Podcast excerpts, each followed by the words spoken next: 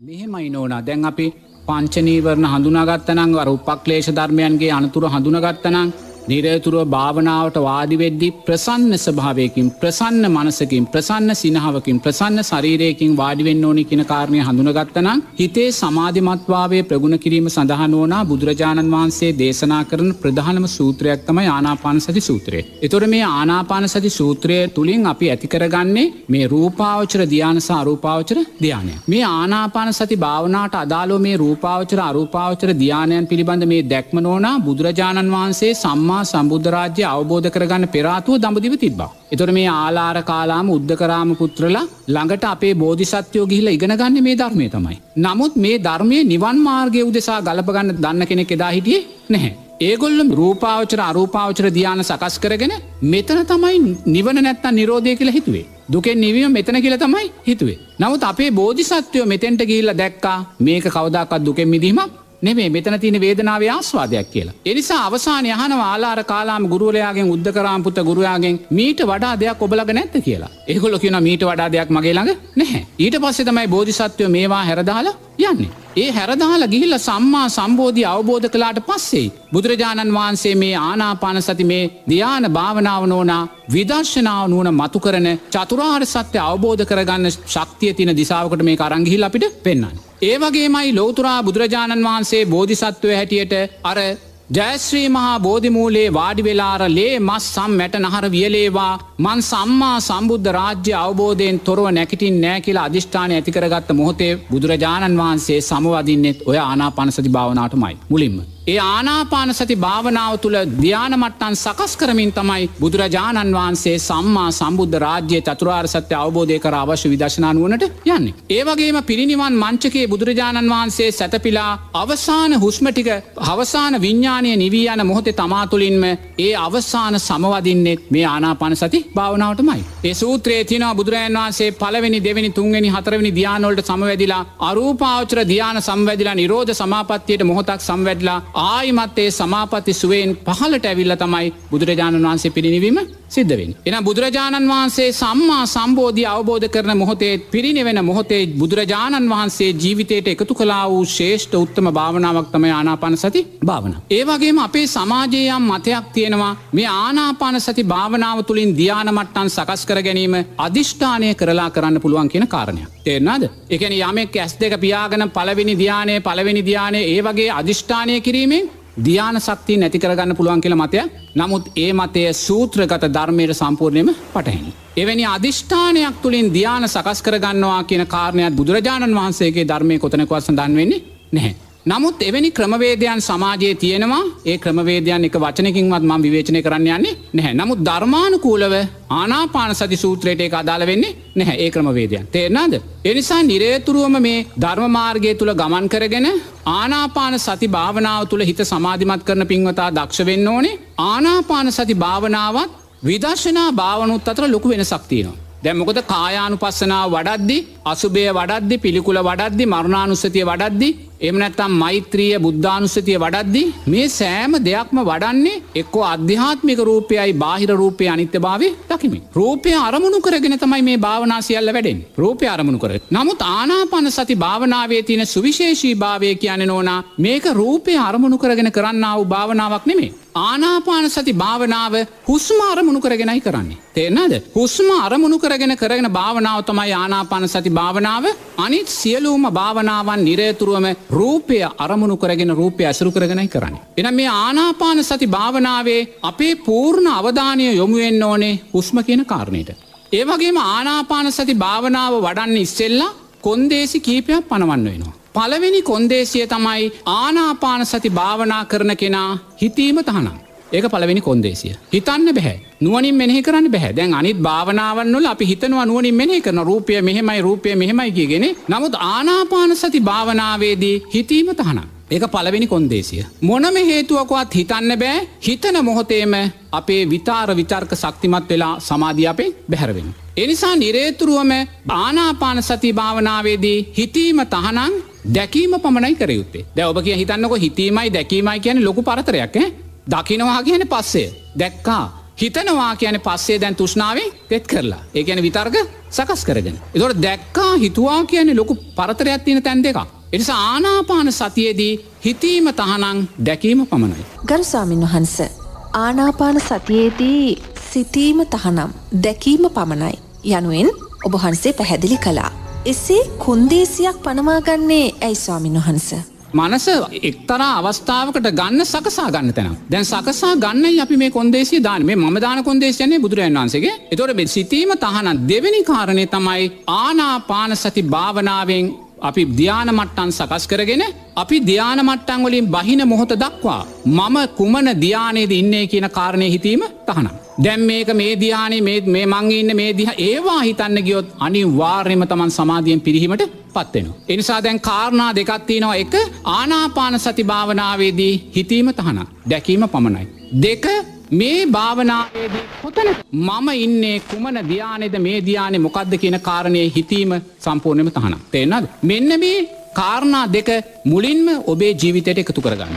දෙක මන්දැන් ඔබට කිව්වා ආනා සති භාවනාට ඉඳගන්නවානම් අනිවාර්යෙන්ම ඔබ කය රිජුව තියෙන කෙලින් තියාගෙන ඉඳගන්න ඕනේ. දැම් බුද්ධානුසතිය මෛත්‍රී වගේ භාවනාවක් නිදාගන වනත් වඩන්න පුළුවන්. නමුත් ආනාපාන සතියේදී කය රිජුව තියෙන් ඕන. පුටුවක ඉඳගත්ත වනත් ප්‍රශ්නයක් නැහැ. එරමිනිිය ගොතාගත්ත වනත් ප්‍රශ්නයක් නැහැ. දැන් කය රිජුව වාඩි වෙලා දැන්යා මොකක්ද මුලිම කරන්නේ මොකද කරන්න මං ඉස්සලකව මොකද කරන්න කියලා මොකද ඉස්සලම කරන්නේ එයා වේගවත් ආශ්වාස ප්‍රශ්වාසය තුන හතරක් ගන්න. අරගෙන මේ ශරීරය ප්‍රබෝධමත් කරගන්න. ඒ ආශ්වාසයේ ප්‍රබෝධයෙන් මේ ශරීරෙම කුල්මත් කරගන්න. එහෙම කුල්මත් කරගෙන එයා සුන්දර ප්‍රසන්න සිනහාවක් මුණ ඇති කරගන්න. ඒ සිනහාවෙන් මුළු ශරීර මේ සිනහාවෙන් කුල්මත් කරගන්නවා එතනින් දැන් කුල්මත් කරගත්තා සිනහාවෙන් කල් සතුරුනා කියන මොකක්ද.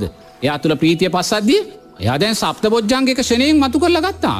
ඒ මතු කරගන්න එයා තුළ වීරය තිබ්බා වීරය තිබ්බයයි ධර්මයට අදාළවයා හිතපු නිසා. එයා ධර්මයට අදාළ හිතුව එයා තුළ සතියසීය තිබ්බා.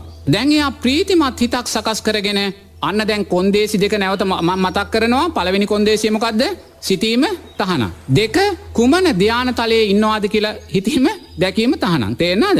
සිනහාවක් හිතේ ඇතිකරගෙන ප්‍රබෝධම හිතක් ඇතිකරගෙන ප්‍රසන්න සිරුරක් ඇතිකරගෙන දැන්යා මුලින්ම මේ ආශ්වාසයට හිතයොමු කරනවා. බුදුරජාණන් වහන්සේ දේශනා කරනවා මුලින්ම මේ ආශ්වාසයට හිත යොමු කරද්දී එයාගේ ආශ්වාසය දිගභාවෙන් තමයි පවතින්නේ. ඇයි දිගභාවෙන් පවතින කුමක් නිසාද අපේ මේ චංචල ඉරියව් නිසා නිරේතුරුවම මේ ගොරෝසු ඉරියව් නිසා ආශ්වාසය දිගයි.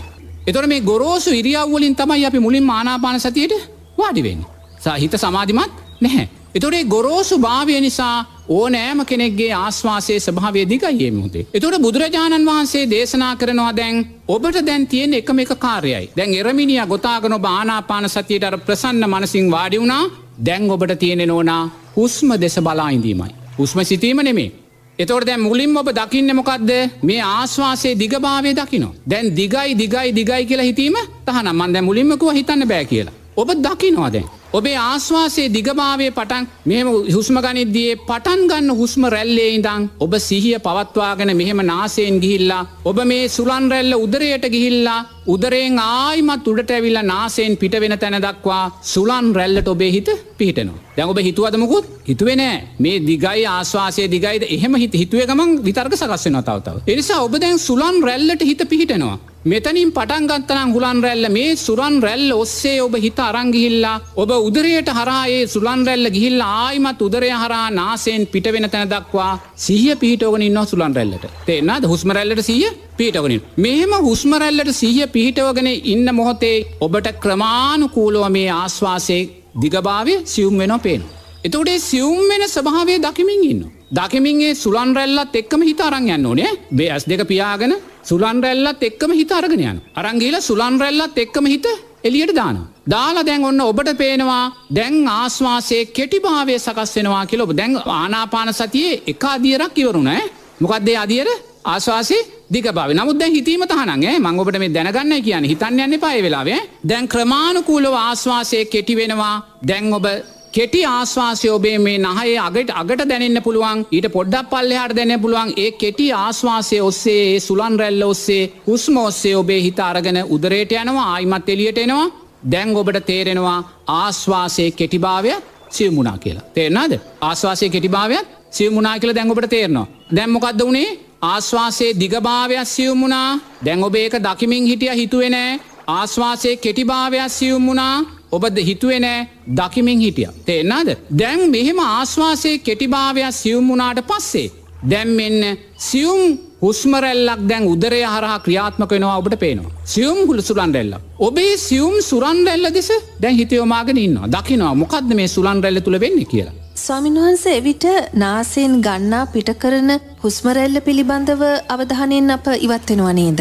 එහි දැන් ආශ්වාසය අපි නහයෙන් තමයි කරන්නේ. නමුත් මේ කයේ ගොරෝසුභාවය සියුම් වෙච්ච නිසා අපි නාසයෙන් ඒක දැනෙන්නේ නැහැ. නැතු ආශ්වාස නොගෙන නොහනෙමේ මේ සුරන්ලැල් නාසේම තම එන්නේ නමුත් නොන අපිට ඒක ප්‍රකට නැහැ මොකද ඒ තරන් දැන් කය සියුම් වීගෙන එන්නේ පංචනීවන ගොරොසුභාවය තුනී වෙලාඉන්නේ. දැන්ගේ තුඩී වෙලා තුනේ වෙලා ආශ්වාසයේ දිගභාවය තුනි වුණා කෙටිභාවය තුනි වුණා අන්න දැන් තමන්ට මේ උදරය හරහා සියුම් ආශ්වාස රැල්ලක් එහාට මෙහාට නලියනවා දඟලනවා දැන්පේනවා. දැන් ඒක තමන් දකිමින් ඉන්න.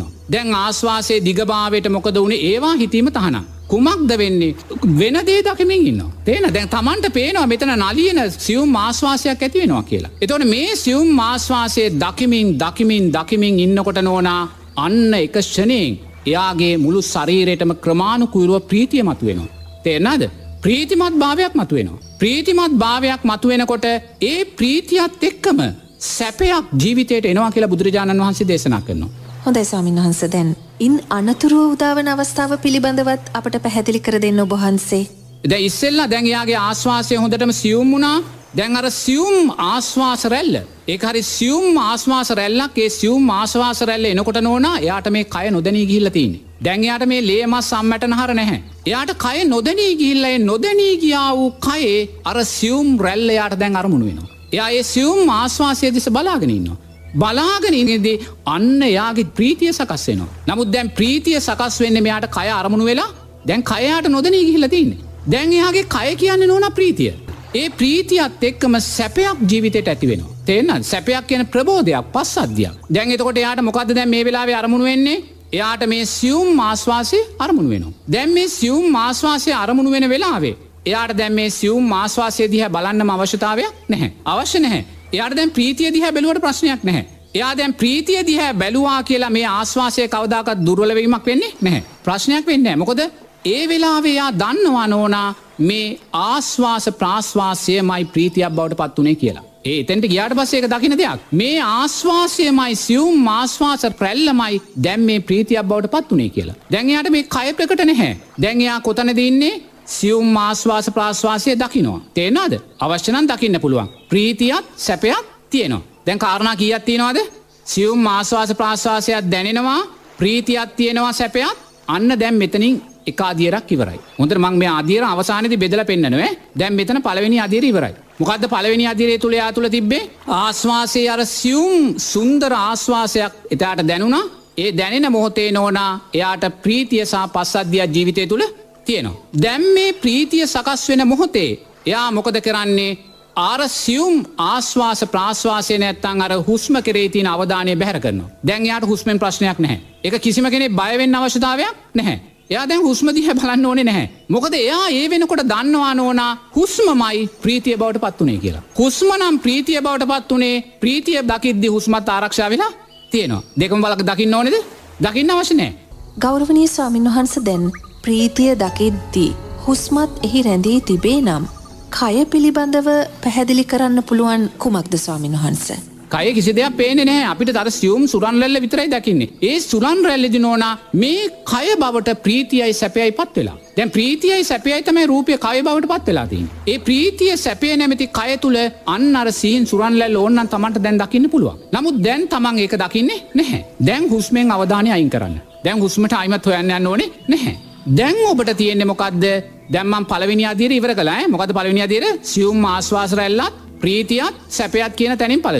දැන් ඔබ මොකොද කරන්න මේ වෙලාවේ අර සියුම් හුස්ම කරේ තියෙන්න්නා වූ හිත අයින් කරනවා. දැන් එයා මොකද කරන්නේ සියුම් මේ හුස්මරැල්ල ගැන දකින්න අවස්ථාවෙන් හැ එයා දැන් ඒක සම්පූර්ණයම අමතක කරලා දැන්යා ප්‍රීතිය ගැන දකිනවා. තෙන්න දැන්යාගේ කය ප්‍රීතිමත් භාවයට පත් වෙලා තියන්නේ. එයා ඒ ප්‍රීතිය මනසින් දකිමින් දකිමින් දකිමින් ඒ ප්‍රීතිය තව තව තව තව තව තව ශක්තිමත් කරගන්න. දැන්යාට මේ හුලන් රැල්ල පිළිබඳ ප්‍රශ්නයක් නැ හුස්ම ගැන ප්‍රශ්නයක් නෑ දැන් එයා හොඳටම දන්නවා හුස්මයි මේ ප්‍රීතිය බවට පත් වෙලා තියෙන කියලා. දැන්යායේ ප්‍රීතිය ගැන නිරේතුරුව දකිමින් දකිමින් දකිමින් ඒ ප්‍රීතිය ආස්වාදයෙන් නෝන මේ මුළු ශරීරෙම ප්‍රීතිමත් කරගන්නවා කියන. ඒක බුදුරජාණන් වහන්සේ උපමාවක් කියනවා යමෙක් රෙද්දක් කරගෙන මේ වස්ත්‍රයක් කරගෙන වතුර බාල්දියක් ළඟට ගිහිල්ලා මේ වස්ත්‍රේ අර වතුර බාල්දිය ඔබ ඔබා ඔබ ඔබා ඔබෝබා යම්සේ මුළු වස්ත්‍රයම තෙත් කරනවාද ඒ වගේ එයා ප්‍රීතියෙන් මුළු ශරීරම තෙත් කරනවා කියන. ඒ වගේ යම් කෙනෙක් ජල තටාකට ගිහිල්ලා ඒකට බැහැලා ඒකට ගිලිලා යම්සේ ගිලමින් ගිලමින් මුළු ශරීරෙම වතුරෙන් තෙත් කරනවාද? ඒ වගේ ප්‍රීතියෙන් එයා මුළු ශරීරම තෙත් කරනවා කියන. ඒක එයා වඩල ගන්න ඕනෙනවා දකිමින් ගන්න ඕනේ. එයා දැන් ඔබට දැන් ඔබ හිතන්නක ඔබ දැන් ප්‍රසා මංකිවොත්තේම ඔබ හිනාවක් ඇතිකරගනේ හිනාවෙන් ශරීරම කුල්මත් කරගන්න කියලා ඔබට ඒක පුළුවන්නේ. ලස්සන හිනාවක් ඇතිකරන් ඒ සිනාවේ ආස්වාදයෙන් ඔබ කුල්මත් වෙන්න පුළුවන්නේ නේද? ඒ වගේ අර කය සියුම් වෙලා තියන්නේ කය නොදැනී ගිහිල්ල තියන්නේ උස්මරැල්ල නොදැනී ගිහිල්ල තියන්නේ දැන් ඔබ දකින්නේ ප්‍රීතිය පමණයි ඒ ප්‍රීතියෙන් මේ ශරීරය මහ නෝනා ආස්වාදයෙන් කුල්මත් කරගන්න කියන. ආස්වාදය මෙත ආනාපාන සතියන තිහින ආස්වාදය අනිත්‍ය භාව දකින්නේ ආස්වාදයෙන් මේක කුල්මත් කරගන්න කියන. ඒ කුල්මත් කර ගනිමින් ඒ ප්‍රීතිය දකිමින් දකිමින් දකිමින් කැමති තාක් ඔබට ඉන්න කියනවා. ඔබට කැමතිතාක් ඉන්න පුළුවන් පෑ කාලද බාගෙද පැයද දෙකද කියන කාරණය අදාල නැහැ. ඔබට තියෙන ප්‍රීතිය දකිමින්ගේ ප්‍රීතිය විඳමින් විදිමින් විදිමින් විදිමින් ඉන්න විතරයි. දැන් ඔබ ප්‍රීතිය දකිවින් දකිමින් දකිමින් ඉන්නවා ඒ මොහොතේ නෝනා ඔබ දකිනවා ඒ සුන්දර විඳීම කියන කාරණය මේ ලෝකයේ කිසිම කාම සම්පත්තකින් විදින්න බැරි සුන්දරත්වයක් තේනද එතකොට යා ඒ ප්‍රීතිය දකිමින් දකිමින් කැමතිතා හිටියාට පස්සේ දැන් ඔන්න එතනින් දැන් තවාදියර කයින් වෙනවා. එයා ප්‍රීතිය කැමතිතාක් බින්දට පස්සේ ප්‍රීතිය දැකීමත් හරිනවා. අයින් කරන මොහොතෙම නෝනා එයා තුළ දැන්තින සැපේ. තේතේරනාද දැන් ප්‍රීතියයි සැපේ කලමේ මෙතන තිබ මෙච්චර වෙලා නමුත් දැන් ප්‍රීතිය ගැන දැකීම සම්පූර්ණයෙන්ම අයින් කරාට පස්සේ දැන් ප්‍රීතිය නෙමේයාට අරමුණු වෙන්නේ සැපේ. එයා ඒ සැපේ සැපේ කියලා කියන නොන නිරතුරම පස්සද්දිය. සැහැල්ලුව පාවෙන ස්භාවේ කය නොදැනී යන භාවේ. එතොඩේ සැපේ අත්තිදිබින් බුදුරජන් වහන්සේ කියනක් කැමතිතාක් ඔබ ජීවත්වෙන්න කියලා. දැන්යාට තුළන් රැල්ල එම නැත්තම් හුස්මරැල්ල පිළිබඳයාට දැක්මක් නෑ එතනින් ගයාම් ප්‍රීතිය පිළිබඳ දැකීමක් නෑ දැන්තියෙන්නේ සැපේ ආස්වාදය තුළයා ඉන්න. සැපේ ආස්වාදය කැමිතිතාක් විඳමින් විඳමින් ඉන්නකොට බුදුරජාණන් වහන්සේ කියනවා නොනයාට සුන්දර ආලෝක සංඥාවක් සකස් වෙනවා කියලා. සුන්දර ආලෝක සංඥාවක් සකස් වෙනවා කියලා. ඒ සුන්දර ආලෝක සංඥාව සකස්වන මේ නලල් තලේ ආශ්‍රිතව තේනත්. මේ නලලට ආශ්‍රිතව තමයි අරමුණු වෙලා තමයි ඒ සුන්දර ආලෝක සංඥාව සකස්වෙන. ස්වාමින් වහන්ස දැන් ඒ ආලෝක සංඥාවට භාවනායෝකයා ප්‍රතිචාර දක්වන්න ඕනේ කොහොමද ස්වාමින් වහන්ස. එයා පුරුදු නැතිගෙනෙක් නම් එයා තිගස්සෙනවා මොකද ඒ ආලෝක සංඥාව ඒසා ප්‍රභාසරයි. ඒ ආලෝක සංඥාව කියන වෙන මොකක් වත්න යාගේ හිතේ ප්‍රභාෂර භාව. එයා තුළිනුයි ආලෝක සංඥාමත් වෙන්නේ. එතොට එයා හරියටම සැපේ කියන ඉලක්කෙට ආවනන්න ඕනා ආලෝක සංඥාව ෂණයෙන් එද්දී අනිවාර්යමයා තිගස්සෙනවා. එයා තිගැස්සිලා ආලෝක සංඥාව ගැන හිතුවොත් හිතන මොහොතේ ආලෝක සංඥාව දුරල මොද හිතුවනේ? හිතන්න බෑ දකින්නයි තියෙන තේෙන්න්නද එනිසා පුරුදු නැතිගෙන ආලෝක සංඥාව එන මොහොතෙම බයනවා ගැටෙනවා. මොකක්ද මේ උනේ කියලා හිතන මොහොතේ ආලෝක සංඥාව දුරලයන දුරලාගෙන ආලෝක සංඥාව අවපහ ගැන්නෙනවා එම නැත්තන් ඒක විකෘති වෙනවා. නැත්තන් ඒකට කිරිබත් කෑල්ලක් වගේ හැඩේකටේනවා ඒ එක ඒක විකෘතිීන් බවට පත්වෙනයි විකෘතිය කියන මොකක්ද අන්න හිතේ දුරල භාවය ප්‍රභාශර භාවය දුරලන ඒ ආලෝක සංඥාව දිස්වන්නේ කොයි විදිහටද ස්වාමින් වහන්ස හැඩයක් තියෙනවාද? කොයි ස්වරූපයෙන්ද? නිරතුරු ඒක රවමක්කාකාරයට තින් නමුත් ඒ රවම නෝනා නිකම් පුපුරණ ආලෝකයක් එලියට දෙන්නේ. ඒක පුදුමාකාර ප්‍රභාෂරයි පලවෙනි පාර දකින කෙනෙක් නම් අනි වාර්යමයක් කලබලෙනවා. කක්ද මේ උනේ කලයාට හිතන්න වෙන මොකද ආස්වාද තුළ මේ කෙන්නේ. එනිසයි ආලෝක සංඥාව වැටුන මොහොතේ. එයාට හිතන්න බෑ මේමකක්ද කියලා ආලෝක සංඥාව දකිමින් එයා ඉන්න. තේනද දැම්මොකක්ද වනේ සැපය බැහැරුණා. සැපය බැහැරුණ තැන දැන් සැපිය ගැන නෙමේයා දකින්නේ ආලෝක සංඥාව ගැන. දැන්යා කැමති තා කාලෝක සංඥාව තුළ ජීවත්වෙනවා. කැමතිසා කාලෝක සංඥාව තුළ ජීවත් වෙලා දැන් එයාට පුළුවන් දැන් ඇති කියලා හිතුනොත්. ආශ්වාසේ ක්‍රමාණුකූලෝ වේගවත් භාවය ඇතිකරගෙන ආයිමත් ආනාපාන සතියෙන් අර මුල් තැනට එන්න. යා ක්‍රමාණකුල ආශවාසය දිගභාව ඇතිකරගෙන එකට එන්නුනේ වේගවත් භාව ඇතිකරනාව. දැන් ඔතනින් ඕන ආනාපාන සති භාවනාවේ එක අදියරක් ඉවරයි. රූපාවචර අදියර ඉවරයි. දැන් තමයි නෝනා ආනාපාන සතියේ තියෙන තීරනාත්මක නැත්තන් සුවිශේෂීම තැනට දැන් අපි එන්නේ. දැම් මං මේ කියන තැනට එනකං ආලාර කාලාම උද්ධකරාම් පුත්තලත් කලා. දෙන්නත්. දැම් බුදුරජාණන් වහන්සේ ආනාපාන සතියට කරපු දේ තමයි දැම්මන් දැන් කියන්න යන මේක තමයි ආනාපාන සති භාවනාවේ සුවිශේෂීම නිවන් මාර්ගය මතු කල්ල දෙන්නාව අංගතුන. මට සමාවන්න ස්වාමින් වහන්ස භාවනාවේ නිවන් මාර්ගයේ මතුකර දෙන අංග තුන පැහැදිලි කර ගැනීමට මත්තෙන් මට ඔබහන්සගෙන් විමසන්නට හිතෙනවා. මේ ආලෝක සංඥාව භාවනා යෝගයාට දිස්වීමට කොයිතරම් පුළුල් කාල පරස්සයක් ගත වෙනවද ස්වාමින් වහන්ස. නැහැ නැහැ. ඒක බයාගේ පංචනීවන්න යටපත් වන ස්භාවය මත විනාඩි දහයකින් එන්න පුළුවන්. එන්න ඒක පුරුල් පරාශයක් හැනෙ නැහැ. ඒකෙක්නාගේ අදැකම් තුළ ඒකට එන්න පුළුවන්. විනාඩි දහයක් තුළ එන්න පුළුව ඒක කිසිම ගැටලුවක් නැහැ. මේක තමයි නොනා ආනාපන සති භාවනාව උතුම් චතුරාර් සත්‍ය අවබෝධය රහත් පලේ තැනට අපි අර්ගෙන යන තැන. එතනදි දැම් මොකක්ද කරන්න? දැන්ගේ ආනාපාන සති අර භාවනාවෙන් පල්ලෙහට බ ආවා. ප්‍රමාණුකූලව නමුත් දැන් එයාගේ හිත හොඳට සමාධිමත්. නමුත් ධ්‍යාන මට්ටන් එයා තුළ නැහැ. හිත සමාධිමත්. මේ සමාධිමත් හිතෙන් බුදුරජන් වහන්සේ කෙනවා කාරණා තුනක් දකින්න කියලා. කාරණා තුනක්. මේ කාරණා තුනෙන් මුල් කාරණය මොකක්ද මුල් කාරණය බුදුරජාණන් වහන්සේ දේශනා කරනවා. දැන් ඉන්න සමාධිමත් හිතෙන් මේ කුමක්ද උනේ කියන කාරණය දකින්න කියලා. ඒටල් මොකක්ද දැන් මෙතන උනේ කියන කාරණය දකින්න කියලා. මොකක් දෙයා දකි දකිනවාගෙන හිතන්න කියලා. දැන් හිතීම හිතන්න පුළුවන් දැන් දැකීම ඉවරයි. දැන් හිතන්න දැන්තින හිතන තැන මොකක්ද උනේ කියලා හිතන්න කියනවා. එතොන මොකක්ද වනේ? ආශ්වාස ප්‍රාශ්වාසයේ දිගභාවයක් තිබ්බා. ආශ්වාස ප්‍රාශ්වාසයේ කෙටිභාවයක් ඇති වුණා. ආශ්වාස ප්‍රාශ්වාසයේ සියුම්භාවයක් ඇති වුණා. ප්‍රීතිය ඇති වුණා. සැපය ඇති වුණා. අර ආලෝක සංඥාව තුළින් උපේක්ෂාව අන්න එයා දැන් නුවනින් දකිනවා මොකක්ද දුවනින් හිතනවා මෙන්න මේකයි සිද්ධ වනේ කියලා. දැන් ඒක තමයි පලවෙනි අදියර.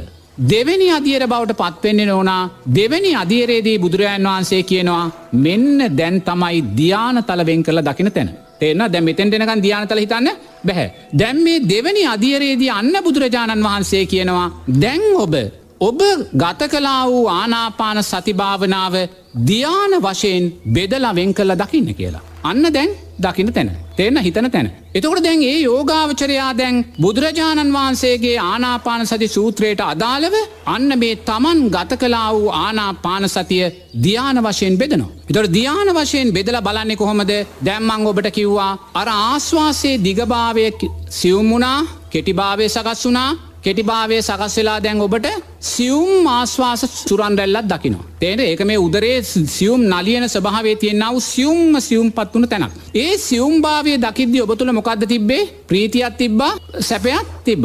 දැ ඔබට ඕන්නන් ප්‍රීතිය ගැන මොහොතක් නතර කරලා මේ හුලන් රැල්ලට හිතයොම කරන්න පුළුවන්. එතොට එතන මොකද තිබේ සියුම් සුරන්රැල්ලත් ඔබට අරමුණ වෙනවා ප්‍රීතියක් තියෙනවා සැපයක් තියෙනවා. අන්න නෝනා එතන තමයි පලවෙනි ධ්‍යාන තලය මොකද පලවෙනි ධ්‍යාන තල විචාර විතර්ක සහිත මොකද ඔබ තාම මේ සිහින් සුරන්රැල්ල දකිනවා. විචාර විතර්ක සහිත ප්‍රීතිය සැපය සහිත පලවෙනි ධ්‍යාන තලය. අන්න දැන් තමන් ධ්‍යාන බෙදල බලනවා. මොකද පලවෙනි ධ්‍යාන තලය විචාර විතර්ක සහිත.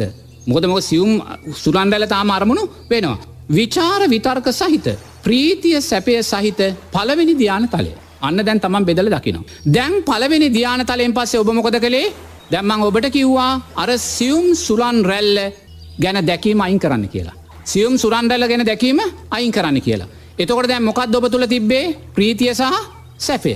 අන්න දැන් විචාර විතර්ක නිරුද්ධ වූ. ප්‍රීතිය සැපය සහිත දෙවනි ධ්‍යාන තලය. තේන දැන් ආශවාසාම සම්පුරම අයින් කලා උස්මරල්ල අයින් කළ අයින් කළ කොතැට දාවේ ප්‍රීතිය සහ සැපේට. එතොට විචාර විතර්ක රහිත ප්‍රීතිය සැපය සහිත අන්න දෙවැනි ධ්‍යාන තලේ. එතොද ඊළඟට මං මොකක් දොබලාට කිව්වේ දැන්යාට හුස්මරැල්ල අරමුණු වෙන්නෙත් නෑ ප්‍රීතියත්තයා අයින් කලා. එතකොට අන්න දැම් මොකක්ද වනේ විචාර විතර්ක රහිත ප්‍රීතිය රහිත සැපය සහිත තුන්වැනි ධ්‍යාන තලේ. හරිද තුන්වැනි ධ්‍යාන තල මොක තුන්වැනි ධ්‍යාන තලේ විචාර විතර්ක රහිත නැති ප්‍රීතියත් නැති සැපය සුකය සහිත තුන්වැනි ධ්‍යාන තලය. දැන් එතකොට දැන්යා සැපය තුළ කැමතිතා කාස්වාදය විඳලා විඳලා ඊළඟට යට මොක දුණේ සුන්දර ආලෝක සංඥාව සකස් වුනා සියල්ලම දැන් යාට අතහැරුණ තේන දැම් මොහද ඇතැරුණේ විචාර විතර්ක ප්‍රීති සැප නිරුද්ධ වූ උපේක්ෂාව සහිත හතරනි ධ්‍යාන තලය. ඒ තමයි ආලෝක සංඥාව. ඒනම් දැන් එයා දැන් අන්න නොවනා බලනවා මෙන්න දැන් එයා ධ්‍යාන බෙදල බැලවා. බුදුරන් වන්ස කියන එක බලන්න කියලා. එතොර ඒක බලන්න අපි කලබල වෙන්න ඕනේ මේ තැනට එනකම් අපි ඉන්න ඕනේ මේ තැනට එනකම් භාවනාවෙන් බැහැර වෙලා අර දෙවැනි අදිරයට එනකම් අපි ඉන්න ඕන. දැන් දෙවැනි අධීරේදී අපි ධ්‍යානතල බෙලලා බැදුවට පස්සේ. මෙන්න බුදුරජන් වහන්සේ තුන්වෙනි අදියර මේ ආනාපාන සතියේ සුවිශේෂී විදර්ශනාමය අවදියට අපි අරං යන. ඒ සුවිශේෂී විදර්ශනාමය අවදියේද අපි මොකද කරන්නේ එයා දැන් මේ ආනාපාන සති භාවනාව සතර සටි පට්ටානයන් මතු කරල ගන්න භාවනාව බවට පත් කරන. දැන් මෙතන තමයි අපිව කෙලින්ම උතුම් රහත් පලයට මේ ආනාපන් සති භාවනා වර්ගනයන. සෝවාන් පලට රහත් පලට. එයා දැන් මේ ආනාපාන සති සමාධිය මේ දිහාන සමාධිය නෝනා එයා දැන් සතර සටිපට්නාන ධර්මයන් තුළින් මතු කල්ල දකිනවා. එයා මතු කල්ල දකින්න මොකක්ද එයාර සමාධිමත් හිතෙන් දෑස් දෙක පියා දැන් ධ්‍යානමට්ටම්බල නෙමෙයින්නේ ධ්‍යානුලින් බැහැලා. එයාර සමාධිමත් හිතෙන් දැන් දකිනවා. මේ මොහොතේ නිරේතුරුව මෙයා දකිනවා. මේ මොහොතේ මා තුළ සකස් වුනා වූ මේ ප්‍රීතිය සැපය උපේක්ෂාව පලවෙනි දෙවැනි තුන්වෙනි හතරවෙනි මේ සෑම ධ්‍යානතලයක්ම සකස් වුනේ කුමක් ඇසුරු කරගෙනද? රූපය ඇසුරු කරගෙන. මේ රූපය නිත්‍යද අනිත්‍යද එයා රූපය අනිත්‍යයි කියල දකින මොහොතේම මේ ධ්‍යානතල සකස් වනාව මේ ප්‍රීතිය සැපේ උපේක්ෂාව සකස් වනාව මේ රූපය අනිත්‍යය කියල දකින වෙලාවෙම කායානු සතර සටිපට්ටාන ධර්මයන්ට අදාළව කායන් පසනාව අනිත්‍ය භාව දකින අන්න කායන් පසනම් මතු කොළගත්. ගෞරවනය ස්වාමින් වහන්ස රූපයේ අනිත්‍යතාවය දකින්නේ කොයි ආකාරයෙන්ද ස්වාමින් වහන්ස. මෙහෙමයි රූපය අනිත්‍යභාවය දකිනවා කියෙන තැන්දිම නෝන අපි තුළ එක පාට චිත්‍රයක් එන්න ඕනේ. ඒ චිත්‍රය තුළ මරණානුස්සතිය අසුභය පිළිකුල මේ සියල්ල මේ චිත්‍රය තුළ තියෙනවා. ඒක පුරදු වෙන්න ඕනේ පුරදුවෙන් නැත් නැත්තන් ඒක හිමිට පුරදුවෙන් තේනත් අනිත්‍යයි කියලා රූපය අනිත්‍යයි කියලා දකිද්දිම ඒ චිත්‍රයටම අර සියල්ලම එකට ගොුණ වෙනවා. දැන් දස දිසාාවයම සත්‍යයෝ සුවපත්වේවා කිව්වාම උතුරු දිසාවේ දකුණු දිසා මෙහෙම කිය කියන්න ඕනේ නෑ මුලින් කිය කියන්න ඕනේ නමුත් මේක කියලා පුහුණුනාට පස්සෙ නෝනා දස දිසාවම කියද්දේ අර චිත්‍ර එක පාට ඇවිල්ලා. අර සස්වේක දිවතල බ්‍රහ්මතල නිරේ දක්වා දස්සිසාව මැවිල්ලා. එතකොට ඔබට තියෙන සූපත්තේවා කියන්න විතරයි. තෙන් අර චිත්‍ර එතැට චිත්‍රයෝ බගන්න ඕනේ. එතොට දැන් ඔබ දැම් මෙතන දයන්න තුන්වෙනි අදිරේදි බලනවා මේ සමාධිය වැඩුනේ රූපය ඇසුරු කරගෙනයි මේ රූපය නිත්‍යද අනිත්‍යද අනිත්‍යයි කියෙන දකින වෙලාවේ ආනා පානසති භාවනාව තුළින් ඔබ කායානු පස්සනාව මතුකර ගත්තා වෙනවා. ඊළඟට ඔබ දකිනවා මේ භාවනාවට යොමුවෙච්ච මොහොතේ පටන්. මම මේ පතරවෙනි ධ්‍යාන තලය ඇතිකරගන්න මොහොත දක්වා මාතුළ වැඩුණේ සැපවේදනාවද්ද දුක්වේදනාවද්ද උපේක්ෂාසාගත වේදනාවද්ද සැපවේදනාසා උපේක්ෂාසාගත වේදනා දෙකම මාතුළ වැඩුණ. එතොර මේ සැපවේදනා දුක්වේදනා නිත්‍යද අනිත්‍යද අන්න අනිත්‍යය කියල දකින වෙලාවේ ඔබ සතර සටිපට්ටාන ධර්මයන්ට අදාලව වේදනානු පස්සනාවේ අනිත්‍ය භාවය දැක්ක. එනම් බලන මේ කායානු පස්සනාව අපි තුළ දැම් වැඩුණෙත් වේදනානු පස්සනාව අපි තුළ වැඩුණෙත් සිතුවිලි ඇතුරෙන් පංච උපාදානස්කන්දයක් ඇසුරෙන්මයි ඒ සිත අනිත්‍යයි කියලා දකින මොහොතේම අන්න චිත්තානු පසනාව වැඩුණ. දැන් මේවා සිතුවිලි හැටියට අපි දැන් දැක්ක නේද සකස්වෙන්න මේ සිතුවිලි නිත්‍යද අනිත්‍යද දැංගොබ වේදනානු පස්සනාව අනිත්‍යය කියලා දැක්ක සිත නිත්‍යද අනිත්‍යද? ඒ අනිත්‍යය කියලා දකින වෙලාවේ අන්න චිත්තානු පස්සනාව දකිනවා සතර සරි පට්නාන ධර්මයට. ඊට පස්ස ඔබ දකිනවා මේ ආනාපාන සති භාවනාව වඩපු කාලය පුරාවට මාතුළ සකස් වුනේ පංචනීවරණයක්ද සප්ත බොජ්ජන්ගයක්ද ඒ සප්ත බොජ්ජංග නිත්‍යද අනිත්‍යද?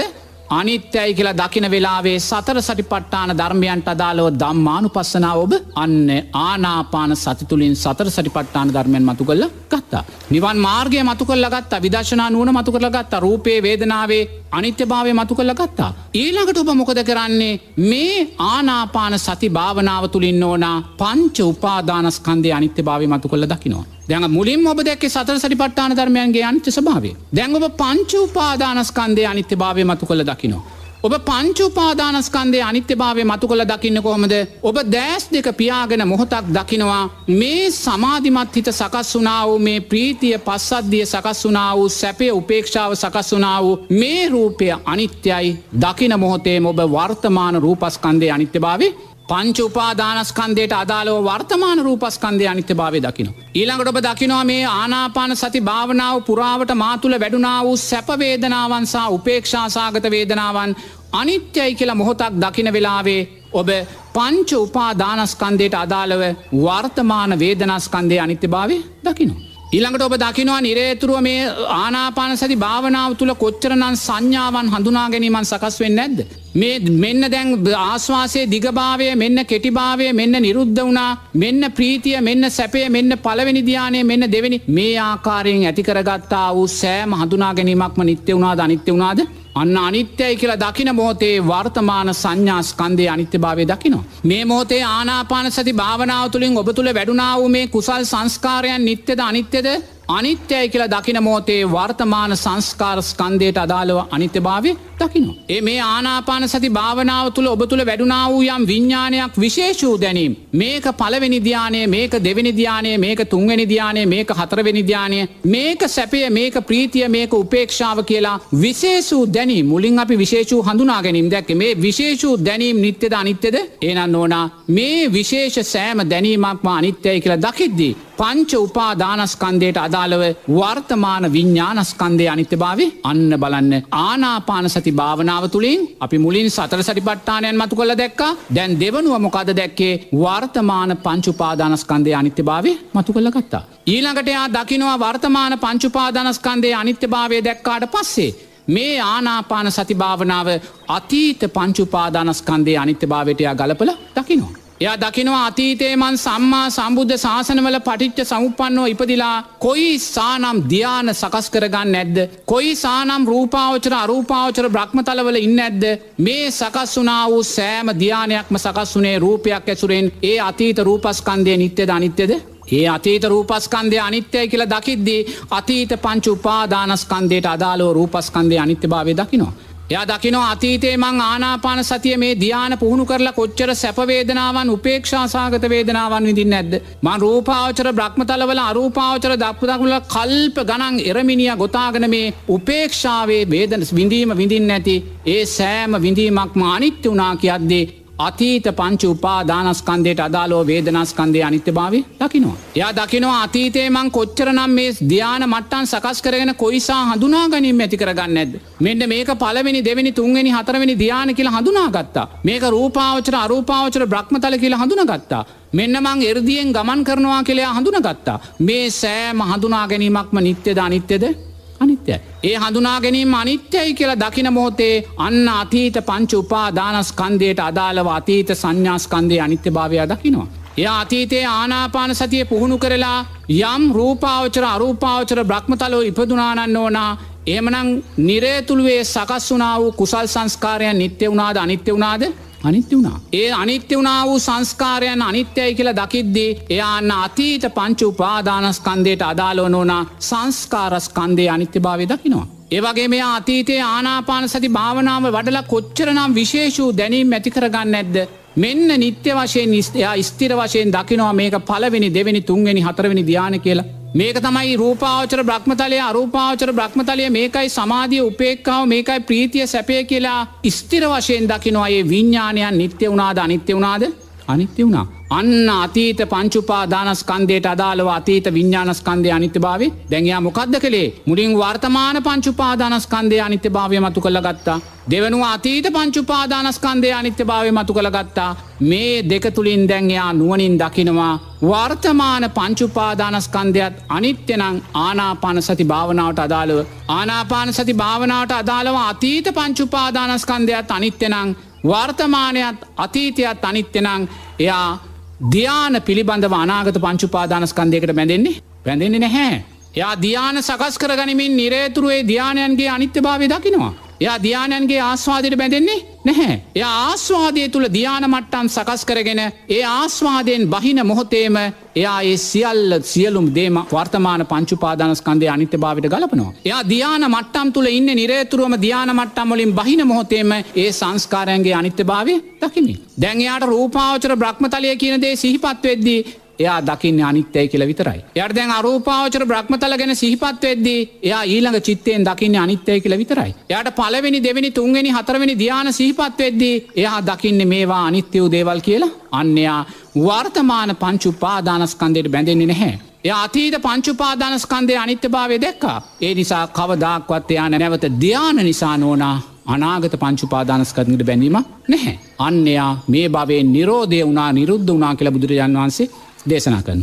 එනිසා නොවනා දැ ඔත්තන තමයි නිරේතුරුවම ආනාපාන සති භාවනාව තුළින් අපි උතුම් රහත් පලේ සාක්ෂාත් කරගන්න තැන්. එතුර මන්දැන් ආනාපාන සති භාවනාව මේ ආකාරයෙන් දේශනා කළත් මගේ භික්ෂු ජීවිතේ මං අඩුවෙන්ම ජීවිතයට එකතු කරගත්ත භාවනාවත්තම ආනාපාන සති භාවනාව. මොද අඩුවෙන්ම ජීවිතයට එකතු ගත්තා කියන්නේ මොකද මගේ ඉලක්කය වුණේ රූපය. තේනල් හුස්ම කියන කාරණය නෙමේ තේනල් එනිසාමන් නිරේතුරුවම රූපය ඉලක්ක කරගත්තාව රූපය අනිත්‍ය වශයෙන් දකිින් ඉලක්ක කරගත්තාව භාවනාවන් තම මංමගේ ජීවිත වැඩියම පුහුණු කරේ කායන පසනාවට අදාලෝ.